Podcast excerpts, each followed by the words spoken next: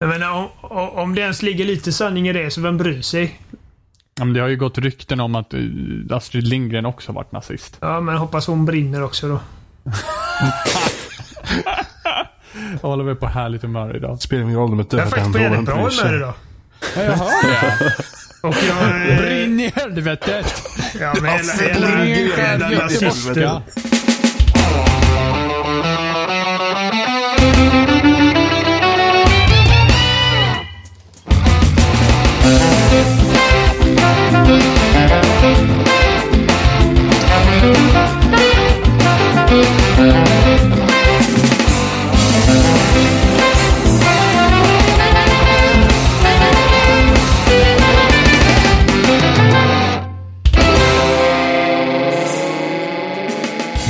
avsnitt 206 med Spelsnack. Och idag är vi jag Johan, vi är Robin, Hej Johan! Oliver Hej Johan! Och, och Jimmy. Som om den här dagen inte kunde bli sämre. Fucking combo breaker. Jag kände att det var ytterst dags. dåligt. Vadå, Jag inte hade- bli sämre? Jag Jimmy är sist. alltid först. Nej, det är du inte. Nej, jag är alltid Ja, men först. Johan, du räknas inte. Men jo, Johan är alltid först men Här kommer räknas Jimmy inte. med sin entitled privilege och hela den skiten här. igen. Eller hur? Ja, som vit man borde jag få först. Jag gillar att Jimmy liksom hittar på sin egen logik också. Jag är alltid först. Johan bara, nej jag är alltid först. Men du räknas Ja, men inte. det räknas inte för Johan presenterar. Det är, det är obvious att han är först. Sen den som kommer näst i- är ju först. Nästan först. För en Men gångs skull tog vi oss ni vet vad i jag menar. hedersordning. Hur är läget med alla? Eller så tar man den som är viktigast sist. Man Jimmy, köra. sluta med dina hittepå-logiken nu. Det är bra med mig Oliver. Det, Jag det är bra trött. här också. Härligt. Ja. Hur är det med dig? Jag har hört att du är på bra humör, brinn i helvetet etc. Men eh, ja, jag är på bra humör för att eh, idag fick jag reda på att min lillebror officiellt är förlovad. Aha. Han friar till sin flickvän i Santa Monica. Eh, Och jag har varit jättenervös för att hon ska säga nej för de har bara varit tillsammans i ett par månader. Mhm. Eller fyra. Jag vet inte. Jag, jag, jag och min tjej har varit tillsammans i tio år nu i eh, augusti. Så att, Och du har Ja. inte friat än. nej. För att jag vill inte. Eh, Okej, så här är det. Jag vill vara gift med Jenny. Det är bara att jag inte vill ha ett bröllop. För jag sa det, alltså ifall, ifall vi bara kan gå till rådhuset och få det gjort så gör vi det idag. Alltså med en gång. Men, eh, men hon vill ha ett sånt där då? stort bröllop med dans och jag bara, nej fan vilken ångest. Så det får vänta i så fall. Jag, Ja, det är ju bara att sitta, det är ju bara sitta och börja skissa på skilsmässopassen redan. Du, du är så fruktansvärt romantisk Oliver. Hon bara så här, bröllopsklänning etc. etc. Du bara, "Nej, vi går till rådhus och får det överstökat. Nej, eh, Hon är mycket mer romantisk än vad jag är, men eh, Vi kan gå och käka lax efteråt. Burger King. Eh, jag... nej, men så det, det är roligt. Min lillebror eh, ska snart bli en äkta man och jag gillar hans tjej väldigt mycket. Han har haft väldigt otur med tjejer genom tiderna. bara liksom, bara på den tiden jag varit med Jenny har han säkert haft åtta brudar. Alla varit helt jävla cocobello. Eh, Cocobello. ja. Det bästa ordet någonsin. Alltså, jag, jag vill berätta om en av dem, men jag känner att det är respektlöst. Jag ska inte göra det. Eh, och på tal om Santa Monica. Jag ser så jävla mycket fram emot God of War nu. För att nu har vi ett datum. Det kommer i april. Den 20 april. Och eh, Game Informer har släppt massa intressant coverage. Och som jag har kollat på eh, medan jag väntat på- tandläkaren. Då. Jag har varit på mitt... Eh, det är också en bra grej. Jag har varit på min årliga kontroll, januarikontrollen. Och de berömde mig för min tandskötsel, vilket aldrig har hänt. Så det är asroligt. jag jag, fick, jag fick skäll. Jag var där Jag fick en... Eh, Aj, aj. Fy. Eh, jag hade en... eh, Alltså jag har historiskt sett alltid haft skitkassa tänder. Så varje gång jag får lite beröm så är det asroligt. Jag har en ny tandhygienist nu och hon är... Hon Inte kan knappt prata svenska, men hon är sånt jävla lyckopiller. Alltså, hon verkligen... Hon sjöng typ under hela kontrollen. Var hur jävla glad som helst och bara typ ja, och så gör vi det här, det här och det här. Så, åh, åh vad bra, åh vad bra, åh Oliver, åh vad jätteduktigt, jätteduktigt, jätteduktigt. Och jag Hon, bara, kanske har, hon kanske har missuppfattat det där helt och hållet. jag bara, alltså, det här smittar av sig. Jag sitter där och bara, så här måndag morgon, så här klockan åtta på morgonen. För det första, jag vaknade klockan två i natt. Jag gick och la mig i tid. För en gångs skull. Jag gick och la mig klockan tio istället för typ tre på natten. Vaknade klockan två. Kunde inte somna om. Så jag satt uppe, uppe och bara stirrade på TVn fram till sju när jag sträcker iväg till tandläkaren. Eh, för det tar typ 40 minuter att åka dit. Jag har inte bytt sen jag flyttade när, för typ sex år sedan. Eh, så jag var inte på så jättebra humör och så fort jag kom in till den här människan, jag, första gången jag träffade henne, och hon är bara så jävla glad. Jag bara, hur fan lyckas du? Hon bara, mindfulness. Man intalar sig att man ska vara glad så blir man glad. Jag bara, jag måste testa det. I alla fall, God of War. Fan vad det ser bra ut. så kom Oliver hem, satt sig och gjorde yoga åtta timmar fram till nu. Jag har en sån här mindfulness-app på telefonen som jag haft installerad i ett halvår men aldrig öppnat. Alltså jag tänker mig typ nu Oliver som fucking Donald Draper i slutet av Mad Men. Han typ sitter på något så här hippie-ställe och typ mediterar. Jag sitter där med benen i ja, och skräddarställning. Mm, och sen så gjorde han typ världens eh, mest kända Fan vilken bra serie. Uh, God of War, fan vad bra det ser ut. Jag, alltså, jag är så jävla nöjd med...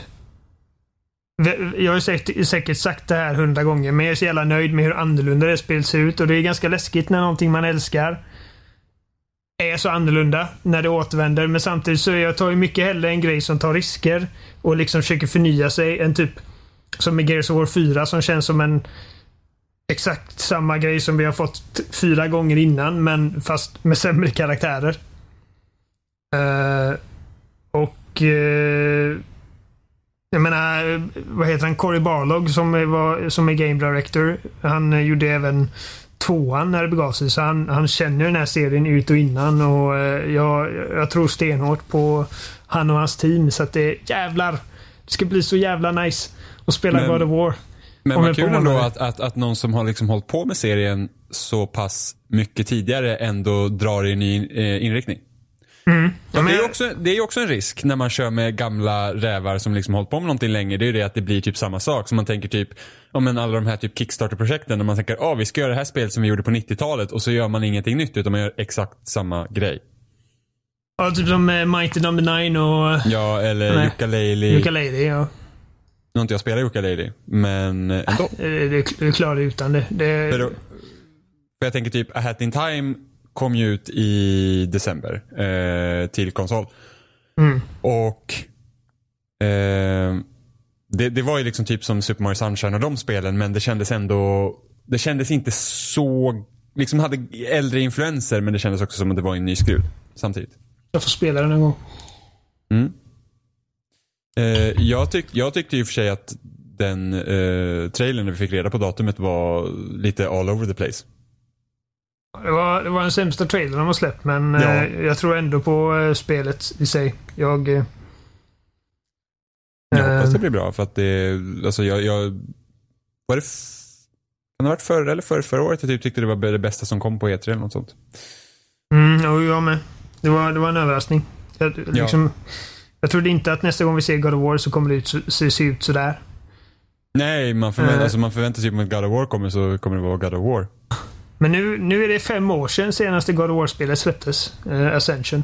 Eh, och eh, det led ju ganska kraftigt av i alla fall i min i min eh, åsikt att eh, det leder ju av att det liksom det, det, det var bara samma grej igen. Fast utan Trean lever mycket på att det är liksom den stora avslutningen på hela den arken de startade med första spelet. Eh, kanske framförallt hur de, bara startar med i tvåan. Men eh, eh Ascension det spelet börjar i princip som ett multiplayer-spel. Det var inte så att de startade en utveckling med ah, nu har vi en fantastisk skitintressant story att eh, sätta Kratos i. Utan det var med hur gör vi God of War till ett multiplayer-spel och sen så känns det som att kampanjen blev liksom en efterkonstruktion. För att ett God of War-spel behöver en kampanj. Medan här känns det som att det verkligen har funnits ett ett driv, liksom en passion för att göra någonting nytt. Eh, inte bara liksom ta tillbaka God of War för sakens skull, utan liksom att och vi har, en, vi har en ny intressant grej som vi verkligen tror på och vi hoppas att ni gillar det i princip.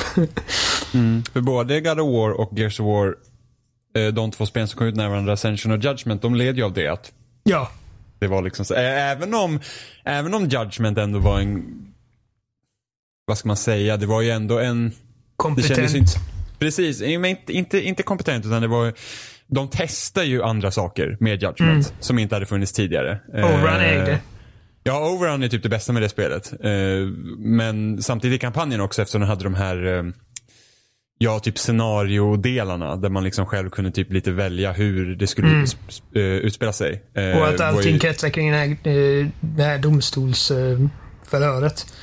Ja, precis. Men sen så, ja, sen funkar ju inte det. Alltså, det var också ett spel som funkar liksom inte riktigt på en Insane att ha på de där jävla grejerna. För att jäklar vad, vad svårt det kunde vara ibland. Så vi typ, jag körde med Gustav och vi fick typ manipulera spelet för att ta oss vidare. Det var så här Men det kan det gjorde vi i trean man- också. Jo, ja precis. Men det här var nästan liksom, ja, trean var trasigt. Det här var bara dåligt designat. Alltså Judgment var... eh, Jag minns inte storyn överhuvudtaget annat än att Baird och hans eh, squadron, eller fan, eh, hans squad, eh, har gjort någonting som de står in, eh, inför rätta för. Och eh, jag, jag kommer ihåg att Cole och Baird var med men jag kommer inte ihåg vad de andra två hette. Jag kommer, inte, jag kommer också ihåg att de stod för rätta men jag kommer inte ihåg vad anledningen var. Nej, någon sorts uh, olydnad antar jag. Eh, och eh, jag, alltså, jag, jag minns knappt något från det spelet förutom att liksom jag klarade det en gång och kände att jag, jag kommer aldrig behöva spela det här igen. Eh, Ascension, God of War, är det någon av er som har spelat det? Nej. Mm. Okej. Eh,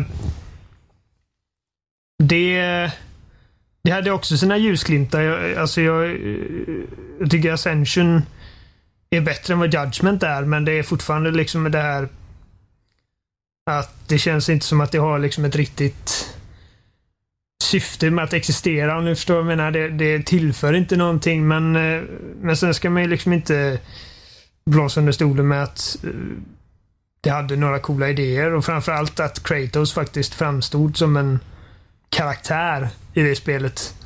I alla fall i jämförelse med hur han var i tvåan och trean där han bara var liksom en stor arg gubbe. eh, utan några som helst redeeming values. Eh, jag gillade inte så mycket första gången jag spelade men när jag spelat om det på senare tid så känner jag att alltså, det här är rätt bra men det, det är liksom det, det körs på eh, vad är det man säger på svenska? Running on fumes. Tomgång. Ja, det är som att liksom spelet existerar bara för att Sony någonstans kände att vi behöver ett till God of War innan den här generationen är slut. Precis som de sa om Gears of War Judgment. Rod Ferguson sa väl det bokstavligen i någon intervju att vore det inte kul att få ut ett till Gears of War innan generationen är slut. Mm. Vilket jag känner är inte den mest spännande pitchen till att starta en produktion av någonting. Eh, men... alltså, eh, Halo är väl en sån serie som har lyckats brygga över det. hur tänker du? Nej men alltså där hade du ju Halo 1, 2, 3. Mm. Och sen så har det inte känts, alltså ODST, Reach och 4 kändes ju inte som att nu går Halo på tomgång. Nej, men jag tror ändå att de, de spelen har, har väl ändå någonstans börjat liksom med att någon på Bungie eller 343 då, eh, känner liksom att vi har någonting att berätta här. Vi har liksom idéer som vi känner att vi vill.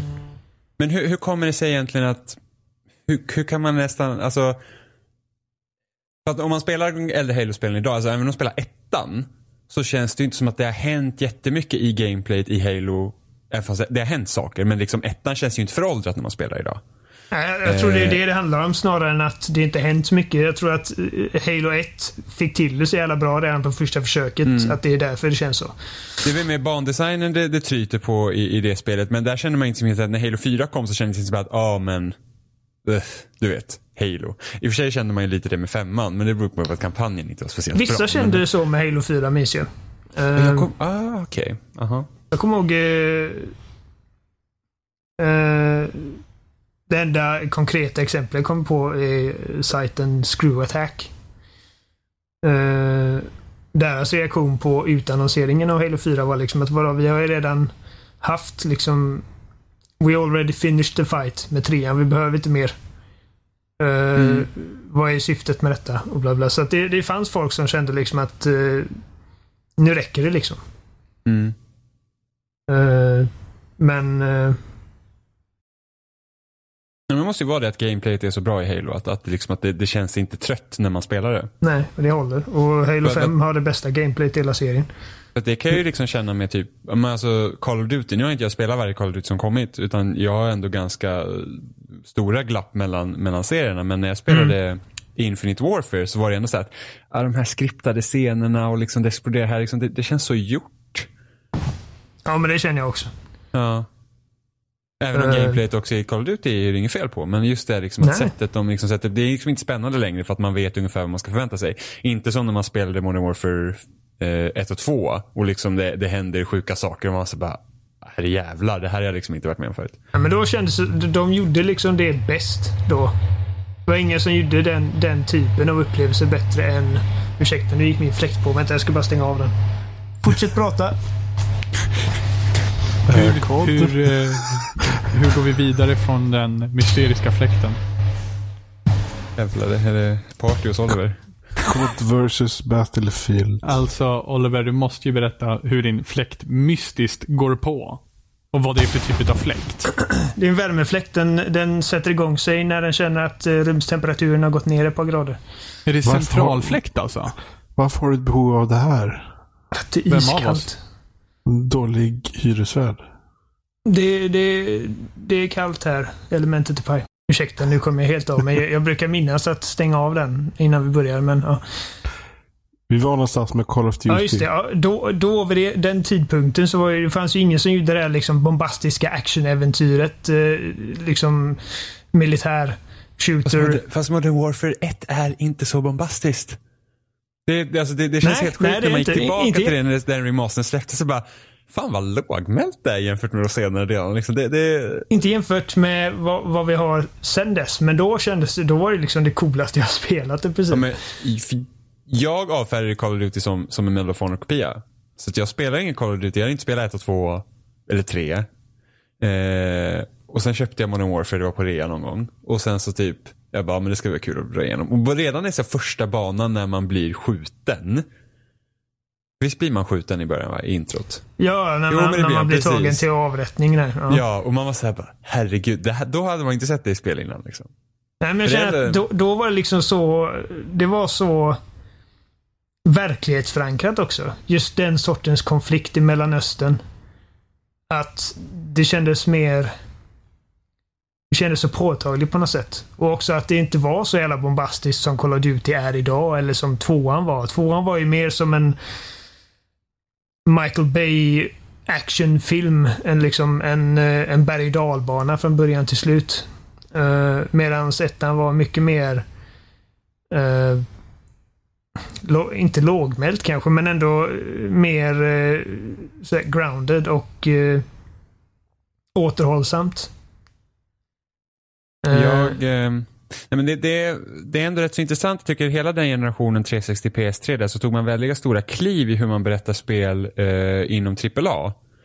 Eh, för nu, jag packade upp mina sista typ flyttkartonger eh, förra helgen. Och så packade jag upp alla mina 360-spel och la in dem i bokhyllan och jag kände bara shit vad många så här intressanta och, och konstiga spel det ändå släpptes den generationen. Liksom saker som jag inte har tänkt på på, på jättelänge och liksom att man det fanns, alltså jag, jag känner ändå att AAA var, den liksom grenen av spel var mycket mer kreativa för generationen än vart den här.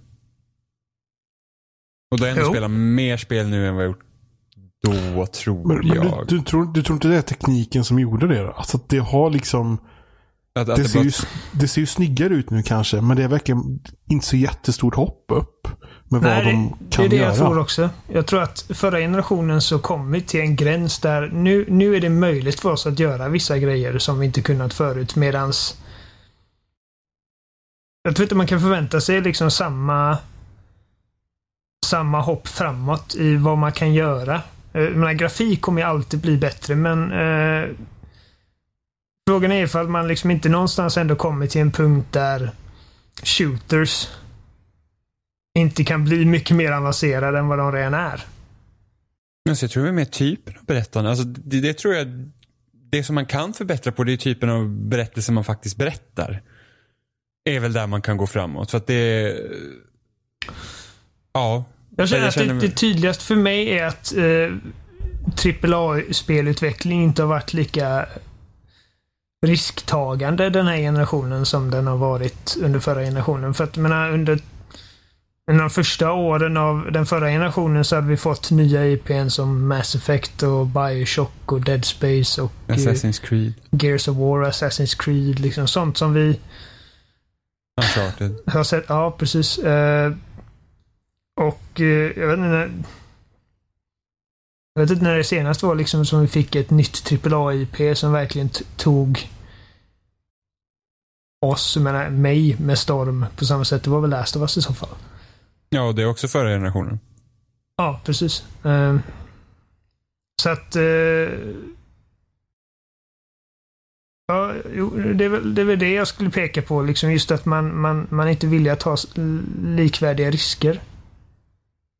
Alltså, det, sker, det sker med på, vad ska man säga, indie-scenen. Gör ju Mm, det nu. Precis. Där Ja. ligger de ju intressantare spelen för... De har ju råd att eh, ta risker för att eh, det är mer passion. de, de måste ta risker för att sticka ut också. Ja, precis. De, och det är mer passionsdrivet än liksom sifferdrivet också. Ehm. och det är väl synd. Ja, det är tråkigt. Alltså, det är liksom så här, bara det liksom att när kommer man liksom inom AAA få typ nästa Bioshock? Och när vi väl får det så kommer alla göra exakt samma spel om och om fast, det igen. är, fast det är bara att det är ingen som har gjort Bioshock mer än de som har utvecklat Bioshock. Alltså vi har inte Ja, fast- fått vi har inte Fast fått det känns Bioshock. som att ifall Bioshock hade blivit någon supersäljare som typ Call of Duty så hade ju alla gjort, antagligen Ja, gjort jo, Bioshock. men så- är det. Men det är det jag- som är tråkigt, att det inte bara är bra spel som får ta sig fram, utan det är de spelen som säljer väldigt mycket som får ta sig fram. Jo, men Bioshock, alltså, vad ska man säga, populariserade ju eh, audiologs. Blir väldigt Mm. populärt med Bioshock. Mm. Så den, sen så fick vi se det andra spel. Men det, vi har liksom inte fått ett spel, om man ska säga på den typ narrativa kalibern som Bioshock 1, liksom inom AAAs typ sen dess. Rent spelmässigt så är väl Praise det som har liksom kliat den nichen bäst eh, Mm. på senare tid. Eh, I alla fall om man, om man pratar om just Bioshock-ramverket då. Ja, precis. Om man tar typ hur, det är strukturerat. Med Ja, Precis som narrativa- Alien Isolation eh, fick mig att eh, tänka mycket på Dead Space eh, Mm. när jag spelade det första gången. Mm. Och narrativa delen är inte riktigt där. Även om de försökte med Bioshock Infinite. Mer eller mindre. Men det, det känns också så att, åh. Det är ändå inom grenen Bioshock, så då, då är det liksom här. När man ändå försöker följa eh, eh, upp en mall så blir det inte samma sak som att man får en idé och sen så bara, nu ska vi fullfölja den. Eh, jag tror vi har pratat om det här förut och, eh, och det går ju också igen med det här med God of War Ascension och Gears of War Judgment. Är det att det är skillnad på någonting som säger att oh, men nu måste vi ha ett spel till i den här serien än att jag har en, nu har vi en idé, nu ska vi försöka fullfölja den. Liksom det, det, det, det är mer drivet att vi måste ha en uppföljare snarare än att det här ska vi göra. Och det är typ där Assassin's Creed liksom har lite hamnat i det att det måste vara en uppföljare. Vi måste ha ett Assassin's Creed varje år. Eller vi måste ha ett Call of Duty varje år. Och då blir det liksom inte det här man är mer driven av att man måste göra ett spel till i en serie snarare än att jag har en, det här spelet skulle jag vilja göra och nu ska vi se hur vi ska göra det. Tror ni det blir ett Assassin's Creed nästa år? Nej. Det Assassin's Creed vi får i år är den här remastern på Rogue och sen så tror jag att det blir Assassin's Creed om inte nästa år, året efter det eller något. Mm. För att eh, den tog ett år eh, extra med Origins så jag tycker att det betalar av sig. Eh, jag var... Man hinner ju liksom bygga upp ett sug på ett bättre sätt, givetvis. Ja, Eh, för min del har det lönat sig i alla fall. Jag vet att eh, jag gillar Assassin's Creed Origins mycket mer än vad du gjorde. Ja, för att det har ju fortfarande samma strukturella problem som alla Assassin's Creed har haft nu sen Brotherhood och Revelations och det. Det är liksom så här att vi har en massa quests som egentligen inte betyder någonting som du ska göra. Du, det är fortfarande mycket att man följer kartan, eller liksom markeringar på en karta än att än att liksom försöka hitta något själv. Alltså jag tror att de hade, det hade lönat sig mycket mer om de hade typ kört, tittat på typ eller ja, nu är det svårt att titta på det eftersom spelen kom samma år, men, men om du tar hur man har tänkt på upptäckandet i Zelda och kunnat applicera det på Egypten i Assassin's Creed Origins hade varit mycket bättre. För att när jag skulle sen eh, fylla i hela kartan efter att jag klätt ut main storyn i Assassin's Creed Origins, så då hittade jag ju liksom saker liksom rent i upptäckandet. Bara, fan vad coolt det här är och det här har jag glömt bort. Varför har de inte följt upp på det här? Bara för att jag var mer fokuserad på att ah, men där är en questmarkör, gå och hämta questmarkören, gå och klara questet. Det liksom blev hela den grejen hela tiden i Origins. Eh, vilket var lite tråkigt. Jag började utforska Egypten ganska tidigt i det spelet. Eh, bara bröt mig loss från alla quests och bara tog en häst och red åt motsatt håll. Och det var, det var rätt coolt. Det första jag gjorde tror jag var att hitta en pyramid och klättra upp för den. Eh, och uh, menar, det, det är inte direkt uh, Witcher-klass på uppdragen i det spelet, men uh, Ja, det är problem. Alltså, det tycker jag är ett stort problem i spelet. Det är att storyn inte får, alltså storyn hamnar så himla mycket i skymundan. Att det, de här storybeatsen kommer så sällan. Att man liksom till och med glömmer bort vad fan är det man håller på med egentligen. Mm. Eh, så det är lite tråkigt. Ja, God of War. Jag hoppas det blir bra. Jag tror det blir bra. Ja. Eh, jag klarade faktiskt ut Xenoblade Chronicles igår. Ooh. Som jag trodde att jag inte skulle klara ut. Jag, kommer jag sa det förra veckan. Jag, bara, jag vet inte om jag kommer fullfölja det. Och sen så typ plöjde jag 20 timmar i helgen. och eh, klarade ut det. Så det var bra. Det, det var faktiskt... Jimmy be like, I got 60 hours a weekend. What am I gonna do? Spend one third of them on this shit game. Ja men det var fan, nej det var inte dåligt. Men det var så här att det liksom, det klickade inte riktigt innan och sen 30 timmar in då var så här, jag greppar systemet. Nu blir det kul. eh, så att då, då, då gick det undan. Eh, och det hade en ganska, det hade en ganska häftig koppling till första spelet. Eh, så att eh, det var faktiskt helt och klart värt att spela klart det. Även om det typ drog ut lite emellanåt. Men det, det, jag tror första spelet tog mig 70 timmar att klara och det här tog mig 55 timmar att klara. Ungefär. Så är det Gratulerar du som blir effektivare eller spelen som blir kortare? Mm, nej, det här spelet, alltså jag behövde grinda mycket mer i första spelet. eh, Så där försvann det några timmar in och sen tror jag också att det här kan nog vara lite kortare också.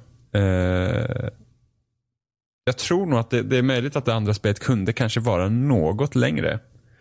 Eh, men eh, men så det klarade jag, så jag känner mig väldigt nöjd med det. Och sen känner man, som vanligt när man klarar liksom ett stort spel, så känner man sig ganska tom efter också. Så bara, "Jaha, och nu då?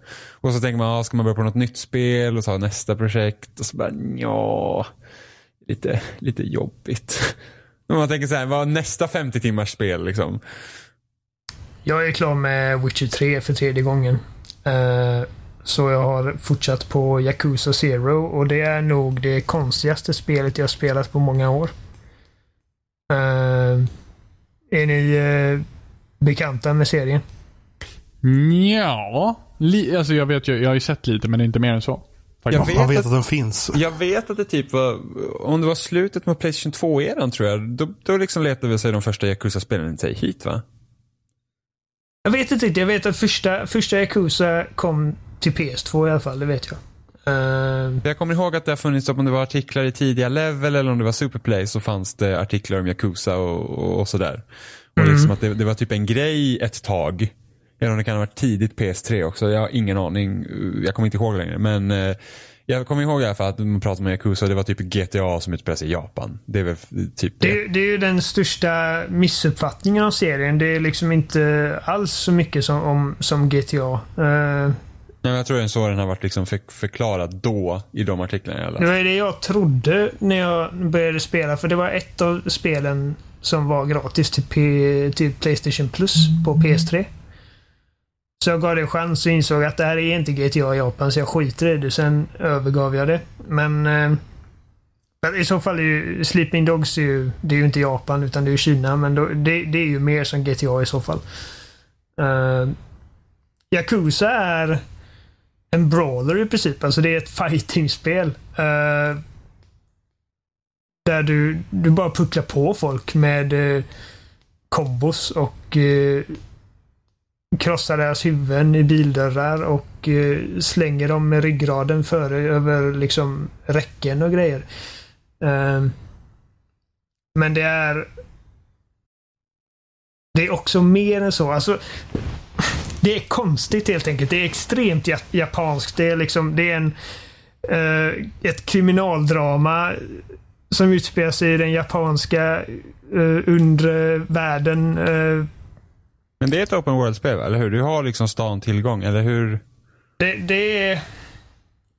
Det är distrikt. Alltså du har liksom ett kvarter som du kan röra dig i. Men Ja, det finns okej. osynliga väggar överallt. Du kan inte gå ut i vägen där det kör bilar exempelvis. Du kan inte köra bilar. Undrar om det är Eh. lika begränsat då som typ Persona kanske? Eller om det Kanske. är lite öppnare? Jag menar, det, det är liksom ifall det är... Vägar kan du inte gå ut i och eh, vissa gränder är liksom avstängda och eh, det är typ väldigt tydligt att Alltså, du har liksom en, eh, ett litet kvarter i princip. Och där får du röra dig. Undrar om det är så Shenmue var upplagt? Det är möjligt, jag har aldrig spelat Shenmue. Inte jag heller. Ehm, men... eh, så alltså bulken av gameplayet är liksom att du, du, du pucklar på folk med eh, fancy eh, martial arts.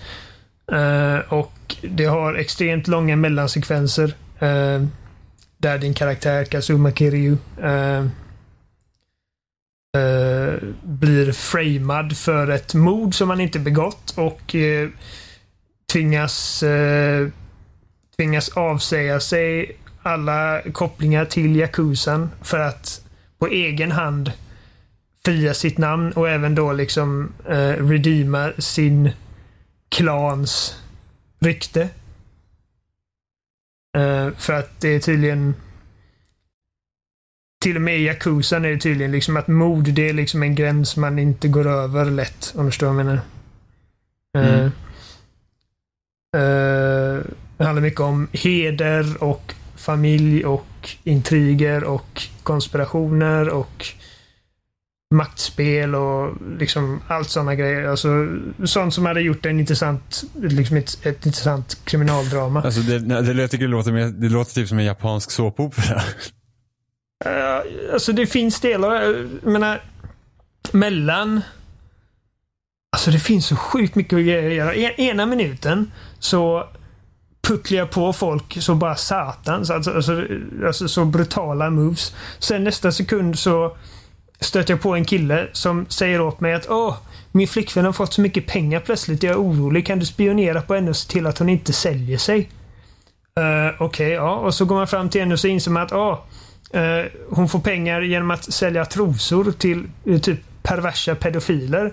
Okej, Okay. kan du sluta med det? Nej, för då blir jag mobbad av hon som har startat hela den här grejen. Så okej, ja men vart är hon då? Så får jag gå och leta upp den här jävla trosdealern.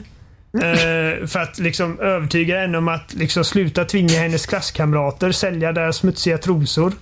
Och hon bara nej. Och sen så ber hon mig att dra åt helvete och sen i nästa sekund så kommer det liksom en riktig jävla creeperface och bara mm, din, din, Dina trosor luktar så jävla ljuvligt. Jag, jag vill ha dig, jag älskar dig, jag älskar dig. Och då blir hon jätterädd och då inser hon att okej, det här är farligt. Så får man puckla på honom och då okej, ja, jag ska sluta sälja trosor. Och sen så i nästa sekund så får man eh, så träffar man ett så här gangsterband som ska spela en spelning. Eh, men i verkligheten så är de typ hur snälla som helst. Deras favorithobby är liksom att ta hand om pensionärer på, liksom på fritiden. Eh, men de har en image som riktiga bad boys. Så att de ber mig att lära dem hur de ska prata på deras meet and greet. Typ som att säga Yeah bro. uh, jag, jag, jag gillar att spendera mina söndag, söndagkvällar med att puckla på folk. Uh, och sen så den här liksom jävla hårda, uh, jättestarka Yakuza-gubben liksom eh, reflekterar över alla de här eh, sidequestsen i efterhand med liksom att oh, uh, I guess it really doesn't matter where you come from or uh, what your dreams are if you're really a good person inside. Och jag bara, alltså vad är detta? Alltså jag, jag känner typ så här, det känns att Oliver sitter hemma och bara så här typ upptäcker världen utanför. Och bara så här, wow. Det är helt sjukt. Och sen så finns det så många olika minispel. Du kan gå in på en bar och spela Dart. Jag, jag har lagt säkert en timme på att bara kasta pilar Eh, och tjäna pengar på det. Och Du kan gå in på kasinon och gambla och du kan gå in i såna här spel, eh, arkadhallar för att spela alltså riktiga eh, Sega-spel. Typ Flatout eller vad det heter. Och uh, Altered Beast, jag kommer inte ihåg vad alla de här spel, gamla spelen heter, men massa sådana grejer. Och sen finns det Du kan gå in på sådana här titty bars. Uh, Nej, inte titty bars. Det är erotiska videos. Du går in och så får du kolla på en porrfilm och sen så liksom kollar man på den här porrfilmen får man välja ut vilken av de här tjejerna man vill titta på. Och sen när man är klar så ser man typ en så här en låda med servetter och huvudkaraktären bara ah, och så får man en trofé som heter I did it for the trophy. Och man hittar liksom typ kort på så här halvnakna japanska skoltöser under eh, under eh, jävla ramenstånd överallt. Och, alltså, det är så bisarrt. Så sensmoralen i det här är helt enkelt att eh, det är fel att sälja trosor. Eh, jag menar, det är skumt att sälja trosor i alla fall. Det är kanske inte det liksom... Jag gillar att vi hoppar från, det, från tittibaren till, till det. Liksom. Det, det minst farliga. Det är så grymt japanskt på ett sånt liksom... Men det, här- det här låter ju som ett spel som du absolut inte skulle tycka om. ja, De nej. gnäller på, nej förra, förra jävla avsnitt så bara Full Metal Alchemist, vi jävla skit, de bara skriker på varandra och han är kort och han har så här. Och nu Ja, bara så men här, det där "Ja, är jag- ju barnprogram. Det här är liksom Nej men folk som... nej! Ah, nej. Hej! Full Metal Alchemist passar inte för barn. Det är fan plus 16. Alltså jag hade fan mardrömmar i natt. 16-åringar är barn. Ja, ja det är true. Men det står på Netflix, inte för barn. Större barn. Större barn. Ungdomar. Ja, men ärligt talat, jag hade fan mard... är jag, dock- jag hade, jag hade banne mig mardrömmar i natt för att jag hade kollat på Full Metal Alchemist. För att det hände en sk- sjukt läskig grej. Ja, jag har haft mardrömmar om uh, Heffa-klumparna så att du säger inte så jävla mycket. Jo, det gör det. Jo! Vad ska jag säga mer än det? Det var så att jag skulle inte sätta ett barn och kolla på Full Metal Alchemist. Nej, inte jag heller. Men... Uh, det är Ska aldrig låta dem plåga sig själv. Titta vad den Nej, skiten. precis. Men alltså det är typ barnprogram för vuxna neckbeards. I princip. Och... Full Metal eh, Alchemist är fucking amazing. Du har bara ingen klass och smak Oliver. Alltså anime är så jävla nördigt. Jag, det är bara... Fast det behöver inte vara Men det. det, det, är ungefär, Nej, men det nej, är jag ungefär, det är ungefär som att säga att film är för töntar. Vissa filmer är för töntar. Ja men Eh, precis, och vissa, vissa anime är för nördar. Okej, men Man alla liksom- typ Sailor Moon och den jävla skiten. Alltså, men- Ja, kör fast- upp det i röven. Jag det är vet, liksom... jag vet att det är många som sätter anime under liksom ett label, men det är ungefär som att sätta film under ett label. Nej men okej, men okej. ja, men just den ni, ni pratar om nu då. Liksom, du sitter och säger typ att du vill kolla på Pokémon. Det är barnprogram. Jag såg att de hade lagt hela första säsongen av Pokémon på Netflix. Jag har Ja. redan sett den. Det är barnprogram. Och sen, Ja det är det, det säger jag inte emot. jag såg, jag såg en film med... Vad Kan man, fan, vad se heter när han? Ash, nu kan man cringea hårt när Ash står och typ skyddar Pikachu mot alla sparrows och bara Ja. Sparrow! ah." Eh, jag såg en film som heter eh, When Marnie Was There. Studio Ghibli. Tror jag det var. Den är inte bra. Den är Så- horribel. Vad sa du? Den är horribel. Den gillade jag. Han om en flicka som eh, blir vän med någon annan flicka. Det är liksom bara en helt vanlig berättelse. Det var inte massa jävla eld mot vattenmagier och eh, så här, robotar och eh, småpojkar som slåss mot... Men är det generellt som så att du inte tål fantasy Oliver? Ja, han älskar ju Godzilla. Fast, ja, jo men okej, men så här mer magi, fantasy. Jag gillar Det är liksom. Dragon Age svårsvalt för dig. Jag gillar Sagan om ringen. Jag gillar Game of Thrones. Jag älskar The Witcher. Jag gillar bajsnödiga grejer. Eller jag gillar inte bajsnödiga grejer menar. Det är alltså när jag tittar på Full Metal Alchemist så blir det liksom bara, det här är nog det mest bajsnödiga jag har sett Men vad på... är det som får ditt blod att koka vid det tillfället? Det är ingen som får det Nej, koka. nej, jag bara nej, stänger av. du vad, vad, är det dig. du inte tycker om där? Det är ju det vi frågar. Vad är det som du inte det. Det är tål? bajsnödigt. Ja men Ja. det är Jo, inget... men vart ja, men- någonstans, när du tittade på serien, vart tog det stopp? Vad heter han? Eh, Armstrong. Armstrong ja, med Tintin-frillan. Ja. Där stängde jag av, bara jag såg honom. Du, Eh, därifrån ger du det inte ens en chans alltså. Du är Nej, men- bästa. Så här är det, alltså, det finns för mycket serier och för mycket filmer och grejer för att lägga tid på skit som man inte liksom är intresserad av. Ja, fast här någonstans så stänger du bara av så fort du ser en karaktär. Vilket jag anser att Du har fått så många rekommendationer om den här serien och du bara, nej, jag ger upp. Tintin. Jag har Det, fått det så handlar många inte om. Tintin. Jag har inte fått så många rekommendationer. Det är ni två som har sagt att ni gillar det. Ja, och, Och ni, Emma. tittar, och ni sitter och kollar på Pokémon. Ja, men Så herregud. det är Pokémon är liksom en helt annan eller? femma än Full Metal Alchemist. Ja, och Full Metal Alchemist är inte samma sak som Yakuza. Yakuza handlar om riktiga människor i 80-talets Japan, i Yakuzan. Men vem drog parallellen här? För att vi pratar om Det Yakuza och du det, bara, för det var varför gillar du inte Det det, det, det. Yakuza låter så himla japanskt. Jag antar att det är det typ inte Oliver klarar Ja, av. men det är liksom anime. riktigt japanskt. Det är liksom nudlar och eh, heder och typ smutsiga du- trosor. Ja, Liksom. fast du hittar, alltså man, alltså, det, är, alltså, man- det är inte typ eh, eld och Alltså, vattenmagier här och typ små i- skrikande här- barn och eh, robotar som hoppas att de kan få ett hjärta igen och eh, Armstrongs och alltså sån jävla töntig skit. jag, vet, jag vet inte vad jag ska svara på det. det är liksom, det är som alltså bara, eh, nej. Ja, men det är liksom, det här, här har vi bara kört in huvudet i väggen mot någon som bara vägrar. Som en fyraåring som bara inte ska ha broccoli. Alltså jag känner mig, alltså man missar så himla, alltså det finns så himla mycket, alltså ärligt talat.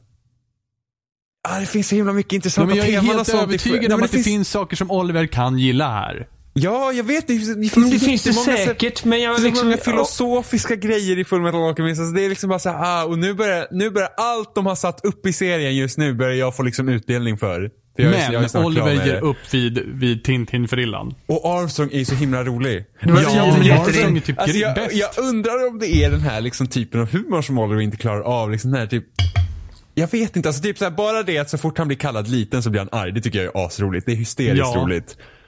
Jag tror En det är gång. inte klarar av. Nej, det är kul. Nej.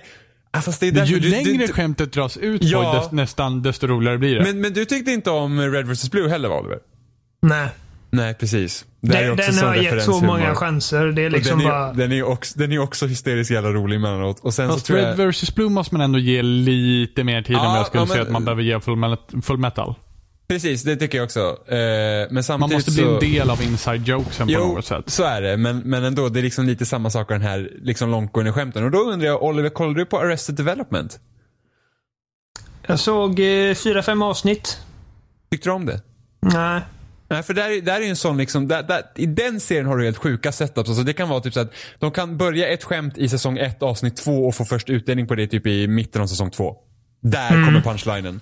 Eh, Jag gillar ju Jason Bates eh, och eh, några av de andra skådisarna där, men jag, jag fastnade riktigt för den.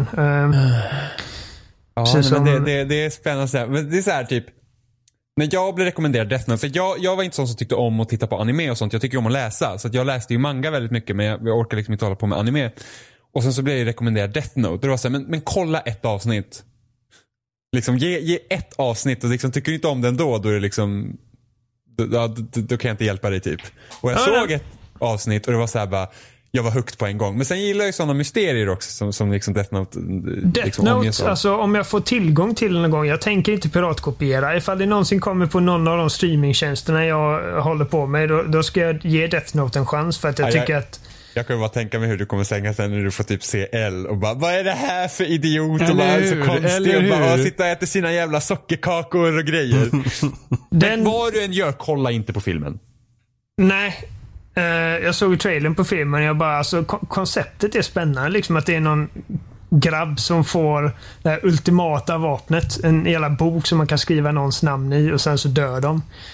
Så att eh, trailern till filmen gjorde mig liksom intresserad av eh, Ja, det, är bara, animen. bara, det är bara att huvudpersonen i filmen är, är en så mycket ointressantare karaktär än vad karaktären faktiskt Ja, är. nej, men jag tycker inte kolla på filmen för jag har hört att den är dålig. Mm. ja, Eh, den är bra. Och, eh, så att, ja, men Death Note vill jag se och sen tycker jag att eh, den estetiska stilen i Death Note är bättre än den i Full Metal Alchemist. Jag gillar inte hur Full Metal Alchemist ser ut. Jag fattar inte, den ser helt Jag fantastisk tycker den är så ut. grymt ful. Och där också, där får man ju säga att jag har ju svårt för anime-stilen. Överhuvudtaget. Och Mm, Men gillar den- du den- Wind Waker? Ja, det är inte det, samma- ja, det är det, inte ja, det är inte riktigt samma. Jag ska Fast inte det är ändå säga. många som har blivit allergisk mot Wind Waker just på grund Jo, av men det var, ju att det, det var ju för att det såg så radikalt annorlunda ut mot Zelda. vi hade tidigare Ja. sett ut. Var Jag gillar Wind Waker ser ut. Och det, det är klart att, att alltså, det ser ju japanskt ut, men det ser inte heller ut sådär som... Nej, för det är liksom, det, det är en viss typ av, vad ska man säga, japansk målning som de tar inspiration från, precis som i Okami gör ju samma sak. Okami är skitfint. Ja. Eh, så det, det, så det är väl att- liksom, det är väl typ om men typ kolla hur typ Star Ocean ut eller kolla typ hur Xenoblade Chronicles 2 ser ut. Där har du ju anime-stilen. Ja, och jag gillar inte det. Alltså, det Yakuza har inte det. Alltså, de, de, de ser ut som människor. Liksom. Alltså, de ser ut som japanska män och kvinnor. Det är inte det här typ lila spikfrisyrer. Om du förstår vad jag menar. Ja, ja, De ser ut som riktiga människor. Nu tänker jag bara hur du så. Jag kan bara tänka mig hur du ser när Armstrong kommer in i bild. Och hur förnärmad du blir av. Du har en skallig jävel och så är det ett litet hårstrå på toppen och bara såhär bara Nej nu! Jag bara satt där med öppen mun och bara, jag klarar inte av det. Och Och sen... Så himla roligt. Att han liksom, alltså, Armstrong är så fantastisk för att han, han är liksom helt utstakad i typ den här maskulina liksom machomannen, så här stora svällande muskler och sen har han de här feminina dragen. Liksom, det är så bara kul. Det är lite som... Det är så mycket känslor i Armstrong att de knappt får plats innanför hans muskler. Men det fanns ett, ja men det fanns ett sånt spel till DS tror jag, där man typ spelade machomuskelmän typ med så här svällande muskler. Det är så här lite homoerotiskt. Eh, så det är väl också en grej i japansk kultur antar jag. Jag är älskar delar av japansk kultur. Jag tycker att alltså bara hur Japan såg ut. Uh, menar, nu vet jag inte exakt hur många år, men alltså ta typ uh, Sucker Punch nya spel, Ghost of Tsushima. Jag ser skitmycket fram emot det för att det är liksom under den feudal Ja Japan-eran. precis, men den, den är ju satt mer som en era. Den är inte liksom, den är Ja, inte ja, tagen men det är liksom det är riktiga det. Japan. Inte, inte, inte Japans tecknade serier liksom. Och det är Ja, samma med Yakuza. Yakuza utspelar sig i liksom riktiga japanska städer. Tar jag för givet i alla fall. Jag, jag, jag känner inte till många japanska städer förutom Tokyo och Kyoto. Men eh, det är liksom Men- riktiga men- platser under 80-talet. Men där, där, precis, och där har, ja, jo, och där har vi en helt annan grej hur man lånar liksom från eh, kulturen. För det, vi kan till exempel ta som Persona 5 till exempel. Där skulle den säga att den lånar ju rätt så mycket från typ japansk liksom, kultur samt anime-kultur också. I sättet hur det är presenterat och ser ut. Men sen så tar man typ ett spel som Catherine.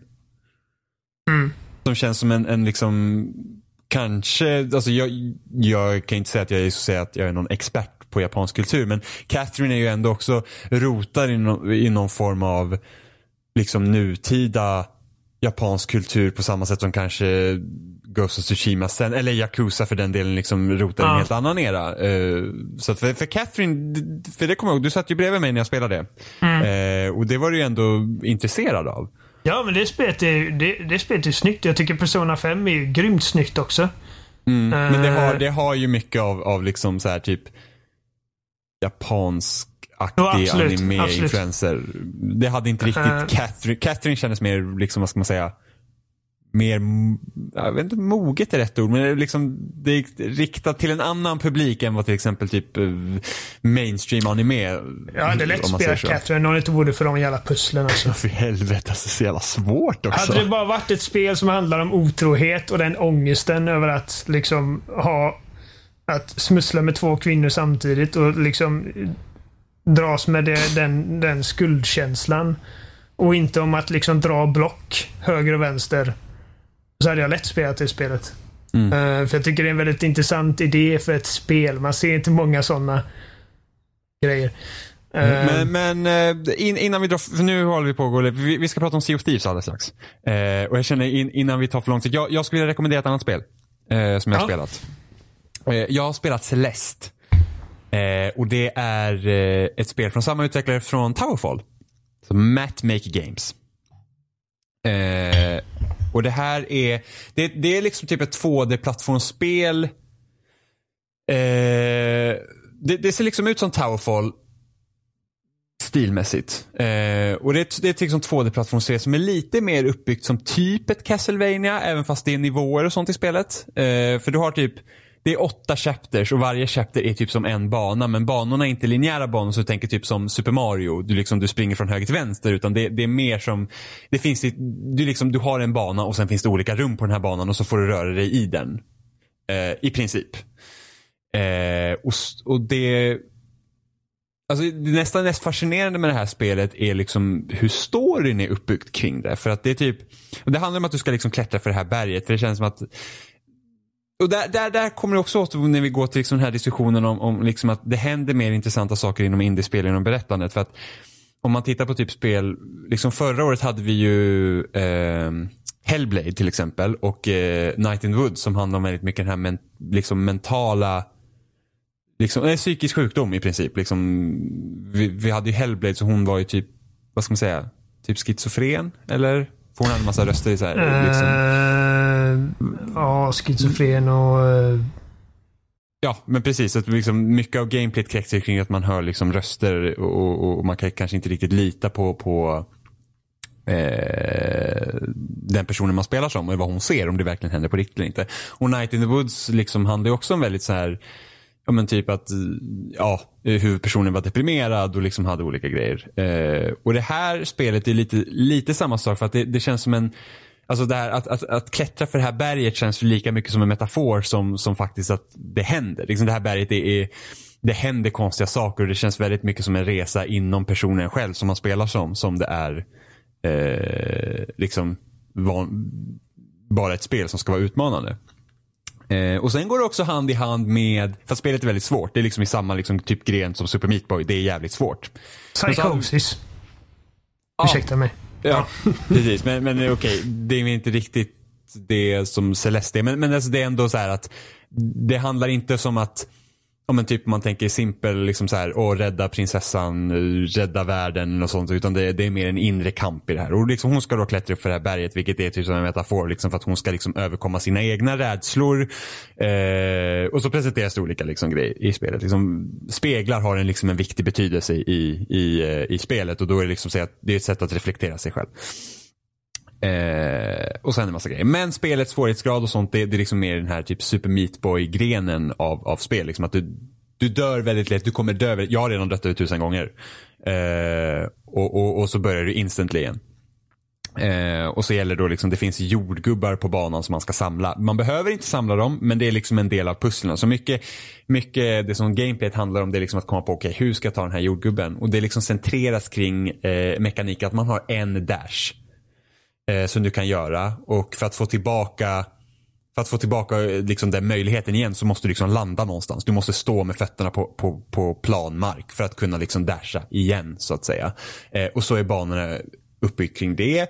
Eh, och precis som typ vi tar ett spel som Braid där mekaniken var att du kan spåra tillbaks tiden. Det var liksom huvudmekaniken i Braid. Precis som att i det här spelet så är huvudmekaniken att du kan dasha en gång. Och sen så bygger varenda liksom, nytt chapter har en egen liksom, twist på det begreppet. Du har fortfarande en dash men sen har du massa andra möjligheter du kan liksom, använda dig av i banan. Som att banan jag är nu på så finns det typ så här bubblor som du kan hoppa in i som skjuter iväg dig åt ett håll. Eh, och varje gång du landar i en bubbla så får du tillbaka din dash så det fungerar precis som att du landar på plan mark. Och sen så får man liksom försöka lösa eh, då banorna kring det. Så det är jätteintressant. Eh, men jag tänkte på, för det, var, det här var rätt så synd att det här inspelet kom förra veckan för att vi hade ju den här diskussionen om svårighetsgrader. Och i det här spelet så finns det också så att du kan ställa in din eh, svårighetsgrad. Och då inte bara så här easy, normal och hard. Utan du kan faktiskt fine-tuna det själv genom att typ Ja, men spelet går lite för snabbt för mig så man kan liksom sänka speeden på spelet så att, så att du kanske inte sjunker lika snabbt. Eh, på det sättet att liksom, gravitationen är inte lika hård så att det blir liksom lite lättare så man kan själv eh, bestämma hur svårt det ska vara mer än att sätta att ah, men jag vill köra på easy. Bara för att vad är det för liksom, områden du faktiskt har eh, problem med. Och det är också rätt så intressant för att om spelet handlar ju om att kunna liksom klara saker man tycker är svårt. Men så gäller det också, och, därför är spelet svårt också för att det är någonting så att du ska övervinna. Men istället då för att liksom känna att ingen ska kunna klara av det här så kan du ändå sätta dig på en nivå där det fortfarande är utmanande för dig men inte omöjligt för dig att ta över. Så, så det är en ganska intressant liksom, vinkel på hur man kan sätta upp svårighetsgrader i spel. Eh, och sen just då också att det verkligen omfamnar sitt narrativ. Och liksom att du har liksom ett spel som är ändå ganska traditionellt speligt. Om man nu tittar liksom tillbaka på hur den här genren har varit liksom med plattformsgrejer. Så är det ändå så att man lyckas ändå inväva liksom narrativet i det. Eh, precis som typ Braid också hade det här med att ah, men du ska rädda prinsessan och sen visar det sig i slutet av Braid att du egentligen är skurken. Liksom man vänder på liksom den genrekonventionen medan här så har det liksom man tänker att ah, men spel får vara svårare, liksom att du ska eh, det är, liksom, det är en utmaning det för att ta dig över men du kan fortfarande tweaka det så att det, liksom, det kan fortfarande vara utmanande för dig men det är inte kanske för svårt så att du inte klarar det. Utan det får du liksom bestämma själv. Om man säger så. Jag spelar, jag har inte tweakat svårighetsgraden för mig för att jag vill ju ha det svårt. För att jag vill liksom, det, det, det tycker jag om med sådana här spel. Men liksom för en sån som kanske inte vill ha liksom alla svåraste så kan man alltså sänka det till det man tycker är behagligt. Och sen också att det liksom omfamnas av liksom vad spelet handlar om. Det tycker jag är jäkligt smart. Så jag rekommenderar Celeste varmt. Jag tycker att det är nog ett av de spelen som har släppts i år. Nu har inte, eh, nu har inte året varit så långt och det har inte kommit så jättemånga spel. Men det här känner jag verkligen att det här är ett spel man måste spela. Det är jättebra. Jag har hört mycket gott om det. Jag fick en 10 av IGN. Oj, oj, oj. Ja. Men sen också så här, från han som har gjort Towerfall. Alltså Towerfall är amazing. Nu vet jag att du inte tycker om det Oliver. Eh, Det är mycket som du inte tycker om, märker vi nu i den här podcasten. Men Du, du tycker inte om Donkey Kong Tropical Freeze. Nej, men kan, Donkey Kong Tropical Freeze är inte bra. du kan suga mig. Ja, men det är inte bra det spelet. Men det här är bra. Alltså Towerfall är typ ett av de bästa alltså co-op eller eh, lokala multiplayer-spelen som har släppts den här generationen. Alltså det är helt amazing. Det är helt sinnessjukt bra. Okej. Det är det. Du har ju spelat Towerfall Oliver. Ja. Ja. Och jag var så himla besviken på att inte du eller Sebbe tyckte det var speciellt kul för att jag kom precis från en spelträff där jag typ bara spelat Towerfall och det var så jäkla roligt. Eh, In, re, presenterar du Towerfall seriöst för både Oliver och Sebbe samtidigt när du hade spelat det redan? Ja men jag, jag Det är ju typ den sämsta idén någonsin. Jag vet men jag äcklar mig inte.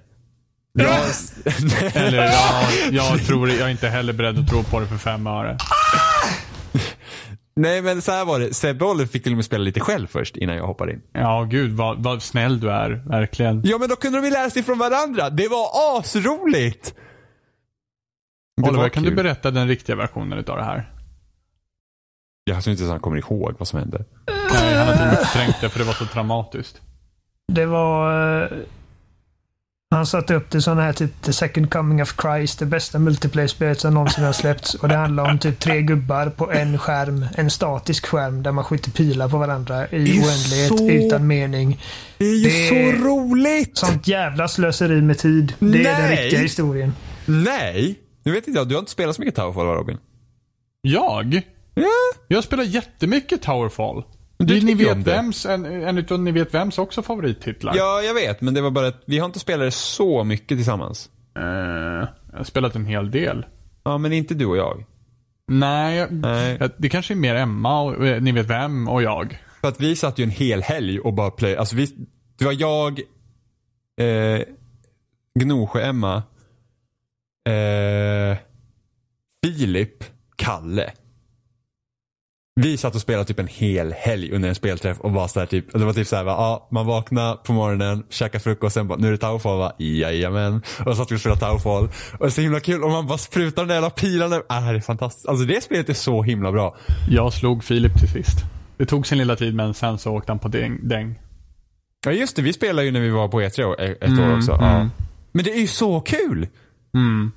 Alltså det är, Ja, det är liksom helt så här, fantastiskt. Alltså det, det, är så så här, simpelt och så bra liksom. Ja, men det är liksom så här, och, och det är liksom det, det, Celeste känns lite likadant att styra och kontrollera liksom. Du kan också klättra på väggarna där och, och Nej, man kunde inte klättra på väggarna i Towerfall. Man kunde bara liksom haka sig fast i kanten och klättra upp va? Ja, jag kommer inte ihåg, men i alla fall det är liksom Liksom utseendemässigt så ser det väldigt, det liksom ser väldigt mycket ut som Towerfall och liksom grafikstilen är samma och liksom lite av sådana, för du har dash-funktion i, i eh, i Towerfall också. Och det, och det här spelet bygger liksom lite på det. Men du skjuter inte pilar och håller på. Utan du hoppar på de få fienderna som finns. Men det, det är väl inte det spelet handlar om. Men alltså Celeste, väldigt, väldigt, väldigt eh, rekommenderat. Vi pratade ju på förut att det kommer väldigt sällan nya spel. Eh, vi har spelat Sea of Thieves-betan. Ooh, jar menar jag. Jar. Ja. Are the feels. De två personer som kollade streamen eh, känner till detta. Ni vet ni vilka ni är. Mm. ja, men där finns ju uppe som kan kolla efteråt nu allihopa. Ni vet vilka ni är. Men eh, alltså jag tror väl nästan det mesta vi spelade var det vi streamade. Sen så var det jävla massa krångel. Mm. Ja, För sen, ju- det de, nog. gjorde ju någon, de gjorde någon för- förändring i servrarna på lördagen. Och sen krånglade det bara.